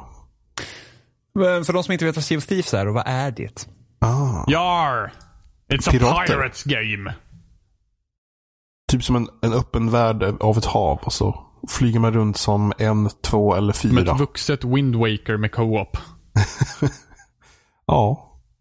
Förutom att det bara är Triforce-jakten nu som hägrar. Ingenting annat. Om man så gott och gott, man, man, är liksom, man, är, man är pirater, man har ett skepp. Eh, man kan vara maximalt fyra just nu. Eh, och så går man ut på uppdrag genom att man letar efter skatter helt enkelt. Eh, och eh, det är då i en sån här, eftersom det här spelet då är en games as service. Eh, så, så är det online och man kan träffa på andra spelare som kan försöka ta dina skatter ifrån dig innan du hinner sälja dem. Exempelvis. Mm. Ja. Så- Största tjusningen med detta för mig är, alltså jämfört med andra piratspel som jag testat som Black Flag. Uh, kommer till minnes och typ kanske även som, grejer som Sid Meier's Pirates. Uh, är att vi har ju fått styra piratskepp i spel och sånt förut fast aldrig riktigt på det här sättet där en spelare måste sköta rodret och en annan spelare måste se till att seglen är i rätt vinkel för vinden och en annan sp- eh, spelare får se till att hålla kanonerna redo och det är liksom bara att bara att få ha ett fungerande skepp är liksom någonting man aktivt måste jobba med hela tiden, vilket gör det roligt. Ja, det är väldigt upplagt för att, eh, och det här har vi också pratat om tidigare, det här, liksom att, här har vi ett co-spel där faktiskt varje person har olika roller eh, som man måste uppfylla. Eh, just det att, inte bara i, i den rollen liksom att, ja men jag gör det här och gör det här, utan för att faktiskt kunna få ett helt fungerande skepp så måste ni faktiskt kommunicera med varandra och, och liksom kunna styra olika saker. Som att den som styr skeppet har ju liksom inte fullständig kontroll över skeppet. Utan mer Ja. liksom att jag kan Man- rikta mig. Sen Man måste kan, man, bara, stå- man kan så skrika. Ja men precis, för sen måste du även ha hjälp att se för att du har ett stort, oftast har du ett stort jävla segel framför dig. Och sen måste du även ha hjälp med att rikta skeppen så att du får maximal vind. Du måste ha någon som kollar kartan för att ni ska exakt veta vart ni ska. Så att man har ju alla de här olika delarna som man behöver ha koll på vilket gör att alla måste ha någonting att göra hela tiden.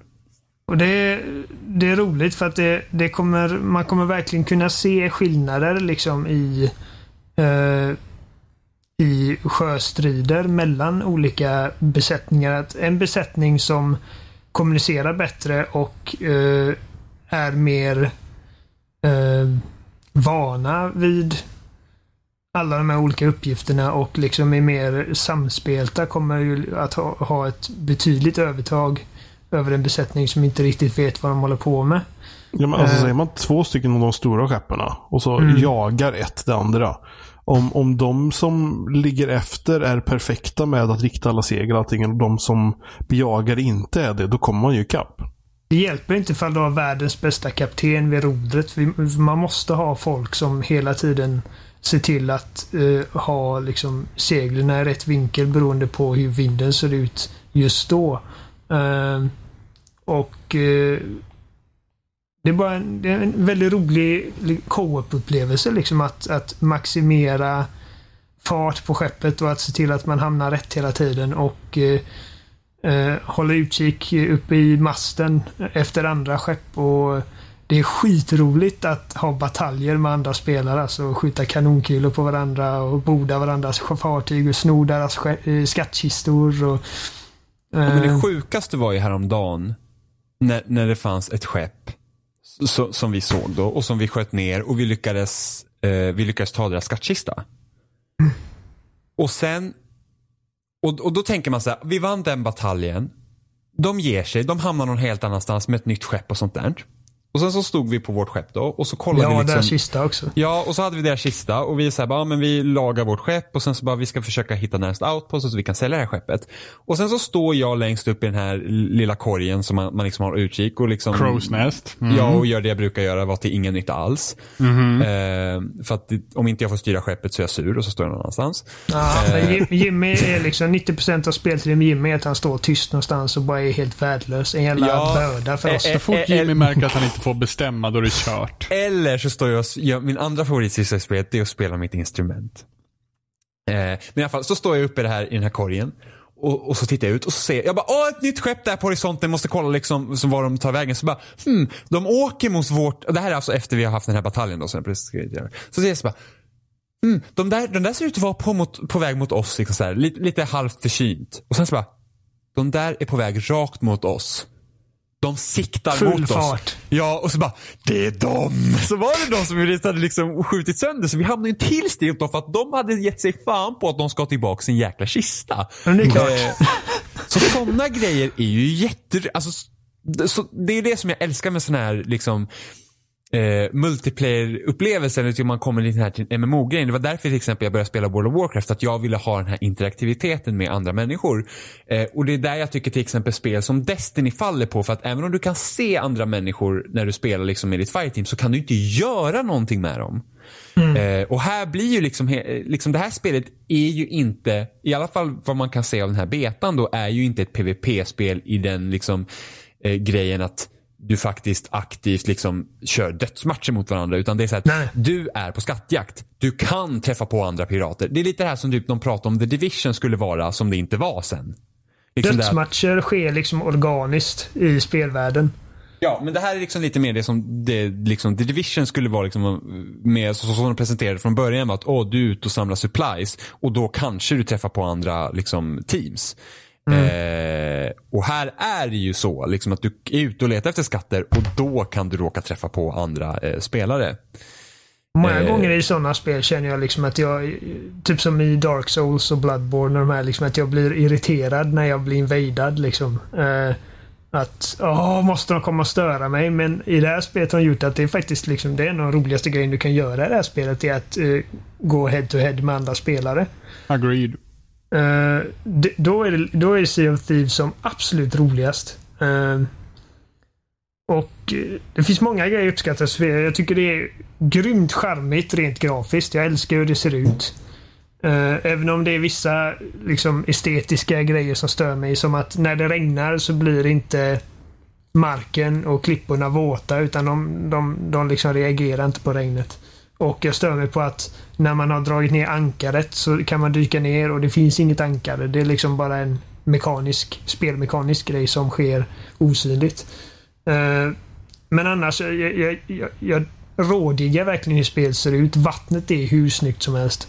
Eh, det är verkligen inbjudande. Man vill liksom ner i det här vattnet och utforska. Och eh, jag bara tycker det är så mysig upplevelse liksom att segla bara med, med mina kompisar. Det är, och jag jag vill också ge en eloge till Rare för att de har gjort allting så simpelt. För att det liksom, som du sa förut, i och med att det finns olika roller på skeppet att fylla. Men det finns liksom ingenting som hindrar mig från att vara vid rodret ena minuten och sen i utkikstornet i nästa. Liksom. Det finns inga spelmekaniska Okej, nu är du den här rollen så därför har du dessa grejer. Utan alla har samma grejer. Alla har samma eh, eh förutsättningar. Alla har samma antal kulor i sina pistoler. Eh, det är en grej som Evolve krånglar till det med alla de här klasserna. Att spelet är så grymt eh, beroende av att alla spelare sköter sina respektive klass, klassers uppgifter helt perfekt. Vilket det, det problemet kommer vi inte ha i Sea Thieves i och med att man inte begränsar sig i någonting. Um, det, är bara, det är bara simpelt och det fungerar. Uh, jag har inte heller märkt av något lagg överhuvudtaget. Och så Ehm, laggade det precis när du sa det var det bästa. Så det där. något ja, Det men är det var- farligt. Men min dator gick in i skärmsläckare. Det borde inte vara något problem på inspelning. Nej, det kommer inte låta på din inspelning, men vi hörde det det. var det var Eh. kul för oss. Inget Förutom liksom, eh, nu, nu som vi sa förut, de sista liksom dagarna nu i betan så har det varit väldigt många problem att ens komma in i spelet. Men det, det förlåter jag ju dem i och med att det fortfarande är en beta. Förhoppningsvis Ja, så fungerar det, som det ska. Har, har vi försökt att spela sen söndags? Jag tror jag spelade lite i, Eller jag tror jag spelade lite igår och det, då, då funkar det väl igen tror jag. Mm, nej, men alltså, Okej, de, jag tror de skrev på Twitter också att det är, det är liksom mer människor som har kommit åt betan än vad de hade tänkt. Mm. Ja, men det konstiga var att det funkade innan de hade maintenance. Jo, precis. Men det blivit- alltså, jag undrar om inte de kanske har skickat ut fler koder under tiden Ja. också. Eh, vilket är inte kul, för det är ingen öppen beta. Det är stängd beta och ändå lyckas komma för många människor. Så, Ja, Men jag, alltså efter att ha spelat den här beten så har jag gått från någon som har varit liksom försiktigt optimistisk till genuint hoppfull. Eh, jag kommer definitivt köpa det här när det kommer ut. Ja, det finns Och- fortfarande vissa orosmoment. Alltså, Ja. Det är fortfarande för att man känner så att Jag känner väl hur kommer, inte- hur ja. kommer questen fungera? Vad Precis. kommer man faktiskt kunna göra? För att något som jag tycker hittills är mest oroväckande eh, och även om det är liksom kul det här med PVP, att man kan liksom möta andra människor och, och försöka liksom snurra skatter och så. Så finns det verkar inte finnas någonting som gör att man kan bjuda in folk till att inte vara liksom fientlig. Eh, utan att du kan, alltså alla pirater du möter är egentligen typ ett hot. Ja, Ja, det är, betraktas det är som som ett i. Daisy också. Det slutar med att de bara sköt så fort man såg dem. Ja, precis. Men där, där kan du fortfarande teama upp på ett sätt. Här kan du inte det, för ni kan vara fyra på ett skepp. Ja. Liksom, det finns inget sätt att göra saker med andra spelare liksom tillsammans och vara typ vänlig. Förvisso första kvällen jag spelade så hittade vi en, en, eh, en ensam spelare och han följde med oss och vi spelade bara musik hela tiden. Det var fantastiskt. Men du, liksom, tror, inte- du tror inte att det är så att bara för att de vill hålla det enkelt så att du inte behöver lägga in massa annan mekanik. De bara... Det är möjligt, men hur kul hade det typ inte varit att kunna liksom ha på de här outposten typ ett pokerbord och spela poker med andra människor och spela om pengar eller typ liksom att liksom, så, liksom vänliga aktiviteter tillsammans med andra crews. Alltså För att- bara en sån sak som att göra outpostarna till någon typ av safe zone. Tycker jag hade varit bra. Eh, och så i kombination med att det fanns aktiviteter man kunde göra med att spela där såklart. eh, Eller att det finns vissa outposts som är, eh, som är vänliga Ja. zoner. För att. Jag Jag- tror att spelet hade dra nytta av att det är liksom ett simpelt, re simpelt regelverk som gäller Mm. oavsett vart du är och vad du gör. Så att, att krångla till det för mycket tror jag bara hade... Fast jag hade kunnat tänka mig att större, alltså det kunde finnas liksom större outposts som är liksom safe zones med tanke på att så att det inte blir så att folk bara väntar vid outposts.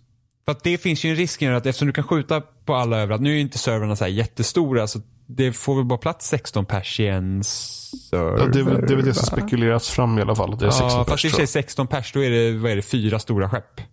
Ja. Ja, och då är det blandade Eh, storlekar på skeppen också. Precis, men vi kan säga fyra, max fyra stora skepp. Det, det låter lite lite för att kartorna är ändå relativt stora. Det är mycket vatten på dem i alla fall.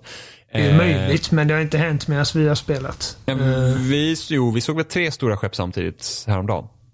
Jo, Vi var, men vi alltså, var tre stora skepp. jag har aldrig sett liksom ett gäng bara stå vid en outpost och vänta på att Ja, andra vi, spelare ska komma vi, in. blev ju, vi blev ju attackerade på en gång. När vi spanade häromdagen ju. Ja, men det var för att ni spanade med någons skepp. Nej, Ni jag, kom, jo, ni spanade med en... Ni, ni var bara eh, tre pers väl? Ja. ja Så då rätt. spanade ni hos en annans persons skepp. Alltså, han hade redan spelat en stund. Och så kom ni till honom. Och han ja, var redan i precis, trubbel. precis. Men, men jag fick ju inte börja i, jag fick inte börja i skeppet. Jag började ju på ön. Och Ja. där blev vi beskjutna. Jag tror ändå att sådana grejer kommer ju förekomma, men... Eh, Jo, men alltså, just nu har inte spelet någon, någon liksom inriktning på att vi, så fort du inte ser en annan så ska du skjuta på den. Nej. Det är ju det. Alltså spelet Ja, uppmanar. men alltså, här, häromdagen när vi spelade så såg vi ett skepp och han åkte ifrån oss men vi var, skulle ge oss katten på att åka efter honom. Ja, men för att... Ja, Ja, för jo, kul. jo, men alltså det är liksom spe, Så att du kan spelet... inte skylla på att alla dödar mig när jag kommer Nej, så är det du nej, som men det finns, he- men det finns, nej, men det finns, nej, men det finns ju heller inget, spelet uppmanar inte till att göra någonting annat. Förstår du? Att det finns liksom inget sätt för dig att vara vänlig mot någon annan heller. Nej, jag försökte det med Ut- några ut- andra också. En annan crew också. Det var, jag tror Ja, det vi var stod Johan och och jag som dansade spelade. på däcket. Ja, Eh. liksom att man kan ju, men liksom, visst vi kan dansa med varandra. Skoj. Liksom, Jo, det, det menar, finns liksom ingenting. Man skulle kunna lägga in en sån grej att man liksom på något sätt typ hissar vit flagg Ja, för att visa precis. att vi är inte är intresserade av att slåss just nu men sen så kan man inte alltid lita på att de bryr sig heller. Nej, precis. Och det, är ju, det har ju varit en grej liksom med Daisy, att du kunde ju aldrig lita på någon, men det var ju inte som att någon såg dig och bara sköt på en gång alltid. Det, hände ju såklart, men liksom att det behöver inte vara så. Eh, och, och jag tycker att det är väl det som jag tycker är lite, är lite tråkigt, att det fick som inget sätt egentligen att visa det på. Det där bryr jag mig inte så mycket om. Det är pirater. Pirater är ute för att döda andra för, för kistor och grejer. Jag, jag är mer orolig för att det här liksom loopen med att gå och hämta en skattkarta gå till en ö och gräva upp den och sen åka tillbaka till outposten. Att det kommer bli tråkigt i längden. Men som jag förstår, den, de la ju upp en, det finns en video där någon från Rare pratar om hur spelet kommer Precis. fungera. Och det är som ju mer så- än vad det finns i betan. Ja, det är bara typ en tredjedel nu av det som kommer vara. För det Ja. kommer vara tre faktioner med olika typer av questar. Ja, precis. Och jag Det hoppas roligaste, att... att, det roligaste är man det kan ha levande liksom. djur på båten. Ja, man kan, men det, det är de här, vet du, att man, när man fraktar saker. Det är en typ av uppdrag som kommer Mm. vara. Jo, men alltså, jag, jag, jag är övertygad om att vi har, vi har inte sett alls liksom en, en tre... Alltså, det, det, alltså, säger vi, så här, det säger vi om alla betor. Ja, och precis. sen när man har spelat så visar det sig att det var Det här inte var mer. allt. Precis, Whoops. det är ju det så, så att det liksom, okej, det ska vara mer grejer i det riktiga spelet. Jo, men, så jag- det sa vi om The Division och Destiny 1 också. Så, man Men spelar jag tror spelen får se det här som mm. ett, som, ett, som ett kul komplement till andra spel. Alltså att man spelar andra spel som man nördar kör hårt. Och så det här, det här är en kul sak som Jo, man kör med kompisen när man är trött på allt andra. Och som att bara vill köra något lite snabbt, Eh, kul, enkelt. Så att, eh, jo men absolut. Men jag, jag, jag, jag finns det inte en chans att jag hamnar i en sån situation att det enda jag kör på hela året är Sea of Thieves ändå. Men eh, jag, eh, jag hoppas liksom att det kan hålla min uppmärksamhet tillräckligt. Jag vet inte, liksom, det finns ingen måttstock för hur mycket tillräckligt är. Men jag hoppas att det, att det känns som när, nu när det släpps att det känns som att vi har inte redan sett allt det här. För att, men okej, man kan frakta djur och grejer, men egentligen så skulle det lika gärna kunna vara kistor också. Bara att de är djur. Förstår du vad jag menar? Hur, skil, Mm. hur skiljer sig spelupplevelsen när man åker och fångar ett djur och åker tillbaka med det djuret och när man går och hittar en kista och åker tillbaka med den kistan. Liksom. Nej, men det är klart. Ja, nej, Det får man ju det- se. Eh, sen- Så jag hoppas att liksom att det har överraskningar också. Jag hoppas att det finns så här, stora monsterbläckfiskar och grejer. Men det finns ju så redan så här små roliga charmiga grejer som finns i spel. Som till exempel vi hittar den här kistan som bara gråter och som typ fyller Ja. på. Så att det var liksom, Ja, man vill ha den här Det kistan gråter. asroligt. La ner den i, i, i, liksom i, i, i, i vårt lager och, och sen så helt plötsligt bara, vi tar in vatten. Nej! Ja, och jag, jag bör, det första jag märkte var att jag hör någon gråta. Alltså det är som ett spöke som gråter någonstans. Jag bara, vad fan är det för någonting? Och så, och så går jag ner för att kolla. Och så säger jag bara, fan, vi, hela lastutrymmet är ju fan översvämmat. Vad är det som händer? Och, och jag i panik bara springer direkt Ja, ner och bara, jag tar kistan, gång, jag kastar, släng jag kistan kastar, över jag kastar den över bord, Det var bara typ över bord. 300 guld. 400 tror jag det var till och med. Herregud. Ja, det Men- var så men- här, Johan såg liksom bara lösningen. Det var så bara, "S- gör av med kistan. Var det men så det- roligt. Det det var ju blev när den jag- riktiga lösningen sen. Det absolut roligaste, alltså det var ju så jag skrattade igen, men när jag och Robin upptäckte uh, bannfunktionen exakt samtidigt. Istället för att banna spelare i det här spelet så röstar man för att låsa in dem i briggen. För att i lastutrymmet på skeppet har man en, litet, en liten bur som man slänger in olydiga matroser i. Och jag, Robin och Jimmy, vi spelade tillsammans. Johan kom in dagen efter tror jag.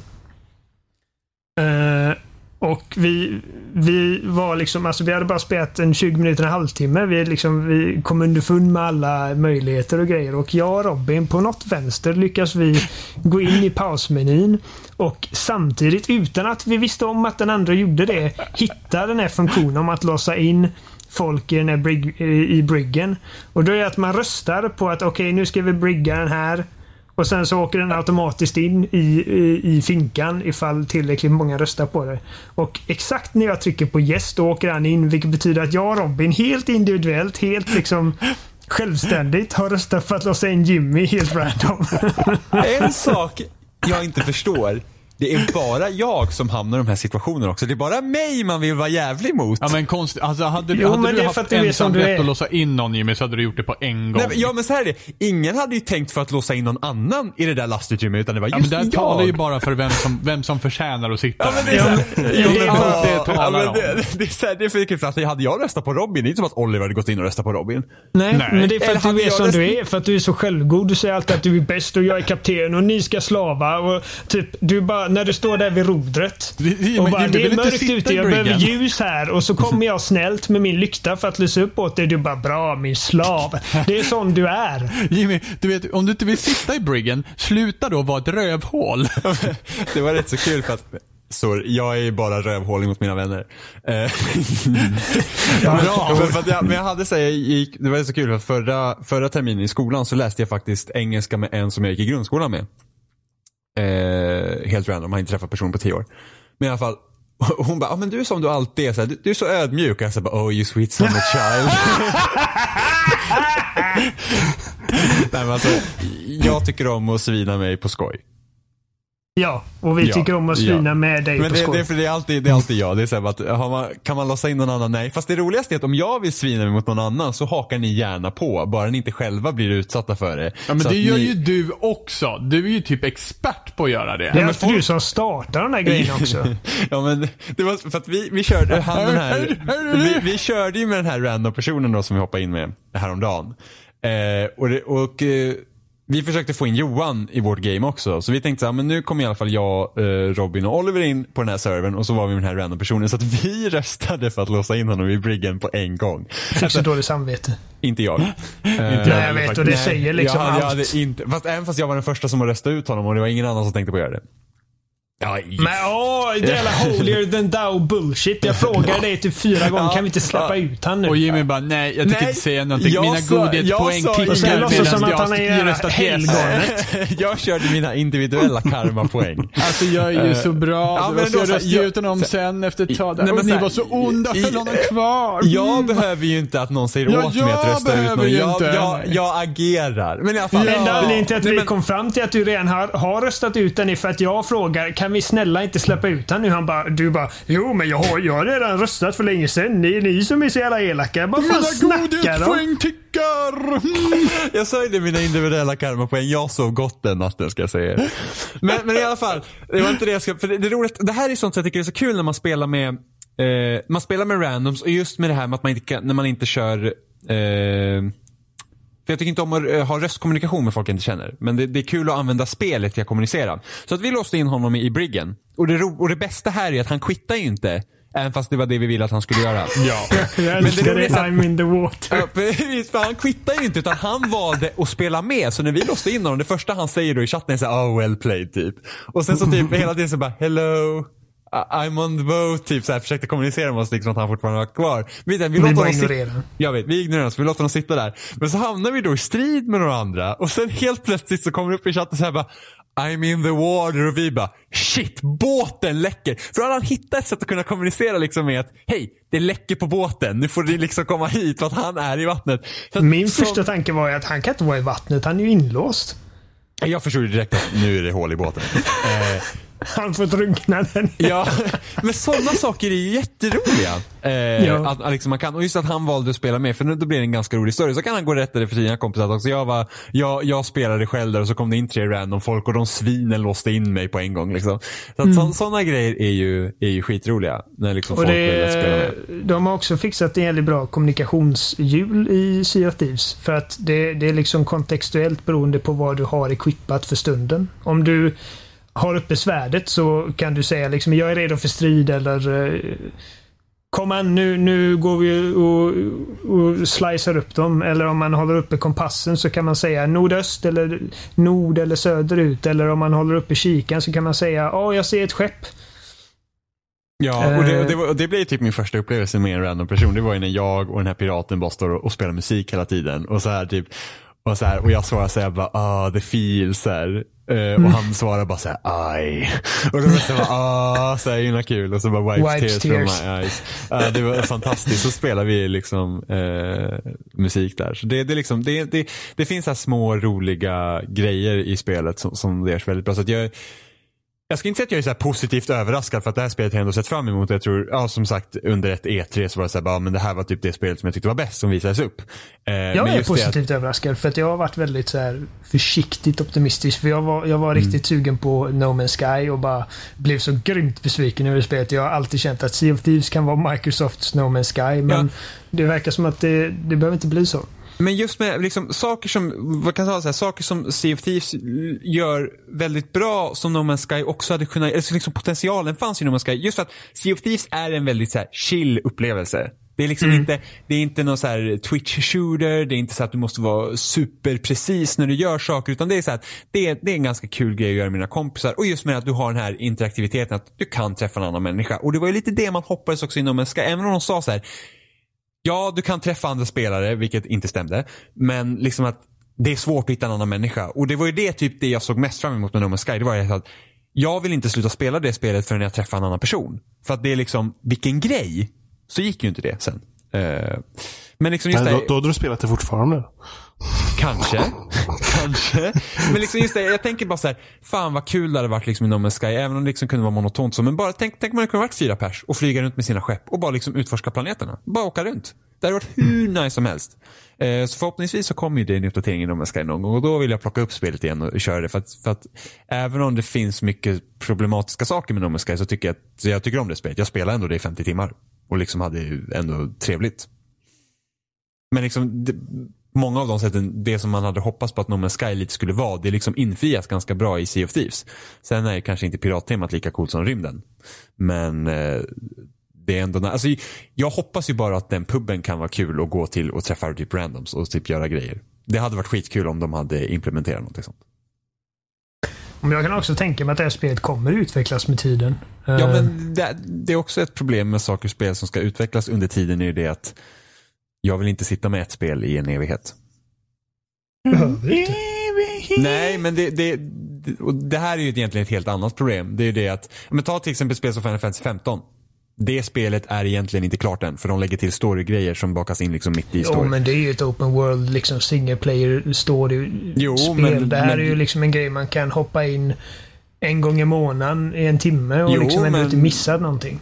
Ja, fast ändå. Alltså det är typ, alltså ta typ, ja men ta Destiny 2 till exempel. Det kommer ju komma raids och sånt dit till det, men det är inte säkert att man vill gå tillbaka till det spelet. Men då missar man ändå saker som egentligen är bra. Det, det är ju det liksom att jag vill inte känna behovet att jag ska hoppa tillbaka till massa gamla spel hela tiden för att kunna få ta del av sådana saker som jag gärna hade haft där från dag ett om man säger så. Liksom, ta Final Fantasy 15, jag hade gärna sett att den utflashade storyn var där på en gång. Så att, för att jag vill inte spela om det spelet till exempel. Nu har inte jag klarat det, men ändå. Eller ta, typ, men ta ett spel som Witcher 3, även om Witcher 3 är jättebra så att med flera uppdateringar så blir ju det spelet bättre sen. Som man missar om man spelar det på en gång. Eller ta No, Man's Sky är ett jättebra exempel på det. det är liksom, där har du ett spel, så här var det när det släpptes, nu har du fått massa uppdateringar med basbyggandet och sånt, men det är svårt att ta sig in i det igen. För Att man har gärna haft det där när spelet kom. Så att även om de kanske lägger till poker eller någonting sen och aktiviteter att göra med andra crews sen inom Sea of Thieves så kanske inte man är intresserad av att spela det när det väl kommer för att spelet har kommit gott för en själv. Jag tänker inte sitta här och klaga över att man får nya grejer i sina spel i efterhand. Eh, Man får väl, för om man känner så, så får man väl göra det valet. Nej, men jag spelar inte detta förrän nästa år. Jag vet, men det finns ju ingenting som säger att de grejerna kommer komma heller. Det är det. Är det. Men det, det är liksom, alltså, du tjänar egentligen inte på att köpa spelen när de kommer ut idag. För att, förmod, för att med all största sannolikhet om två, tre månader är det ett bättre spel. Och billigare. Också på det. Så det är liksom så här. Nej, jag säger inte så bara, åh, massa gratis material, fy fan. Men liksom det är synd att, att, att utvecklingen har gått till den. Liksom, att du släpper ett spel, här har du grunden. Och sen bygger du vidare på den i en halv evighet. Det är både bra och dåligt. Ja, precis. Det finns ju för och nackdelar med det. Men liksom, det är liksom, därför, därför ofta köper inte jag spel när de gör early access. För att jag är så här, sen när det kommer ut, då kan vi köpa det. Liksom, då, för då får man liksom en... Fast vi, vi spelar jättemycket H1Z1 till exempel. Och det var ju liksom skitkul att spela och det, det var early access och det var skitkul att spela och de la liksom till grejer i- varje vecka så vi fick liksom nya saker hela tiden. Men jag kanske aldrig kommer få spela den färdiga produkten. Som det faktiskt ska vara. Och det är lite tråkigt. Men det är en helt annan liksom, diskussion. Det, är liksom, det finns för och nackdelar och bla bla bla. Liksom, det är inte som att jag skiter på det då. Men det, det är så här att förhoppning om att det kanske ska komma men liksom, ja. Ja. Ja. Ja. Jag tror detta var allt vi hade för den här veckan. Jag har inte så mycket mer att säga. än att Jag, jag ser fram emot det. Jag med. Jag har haft roligt med det. Jag släpps ju på, det släpps ju på, på Xbox eh, prenumerationstjänst. Precis. Eh, Också en stor grej som har hänt sen förra avsnittet. Ja, Att- och har man, om man inte, har man inte testat det än så kan man testa det i 14 dagar. Så Precis. Gör man det när spelet släpps så kan man ju testa i 14 dagar utan att köpa det. Mm. Men ja. Men det var nog allt säger vi. Så eh, vi finns som vanligt på spelsnack.com. Där hittar ni länkar till YouTube, Facebook, SS-flöden. Alla möjliga ställen ni kan lyssna på oss. Ehm, skriv gärna till oss. Det går att kommentera lite här och där på iTunes eller på loading eller på eh, hemsidan. Eller så mejlar ni till oss. Kontakt spelsnack.com så får vi alla en liten plingeling. Eh, så ser vi om vi svarar eller om vi bara tar upp det avsnittet beroende på vad ni skriver. Spelsnackpodd heter vi på Twitter. Ni kan twittra till oss om ni vill det. Ett Oliver Thulin, ett Smattepojk, ett Seppala13, ett Folsson är det va? Eh, Johan Fodson tror jag. Johan Folsson. Mm. Ytterst specifikt. Väldigt. Hej då. Vi hörs nästa vecka. Det gör Ha det vi. gött. Eller gör vi det? Eller gör vi det? Sure. Vi, är, vi alla dör. Tänker vi köra Games as Service-grejen på vår podcast också. Den är bättre om två månader. Vi släpper bara bit för bit per, Ska- ska per vi ett säga- avsnitt. Ska, ska vi säga så här, så att när Oliver lämnade oss första gången, då tog man bort en grej, en populär inslag av spelet, eller podcasten. Så här, Gud vad dåligt, alla var rageade och sen så sålde vi honom som DLC i år. Mm. Det är Spelsnack så- expansion vi, pass. vi får typ göra så här tio avsnitt av varje, varje avsnitt med olika gäster och sen så säljer vi lootboxes och bero, så kanske ni får då ett avsnitt med en gäst ni tycker om. Men jag, jag tycker också att eh, vi- kan faktiskt göra så här. Vi kan spela in ett avsnitt och så kan vi släppa 10 minuter per dag. Eller vi kan släppa 10 minuter gratis först.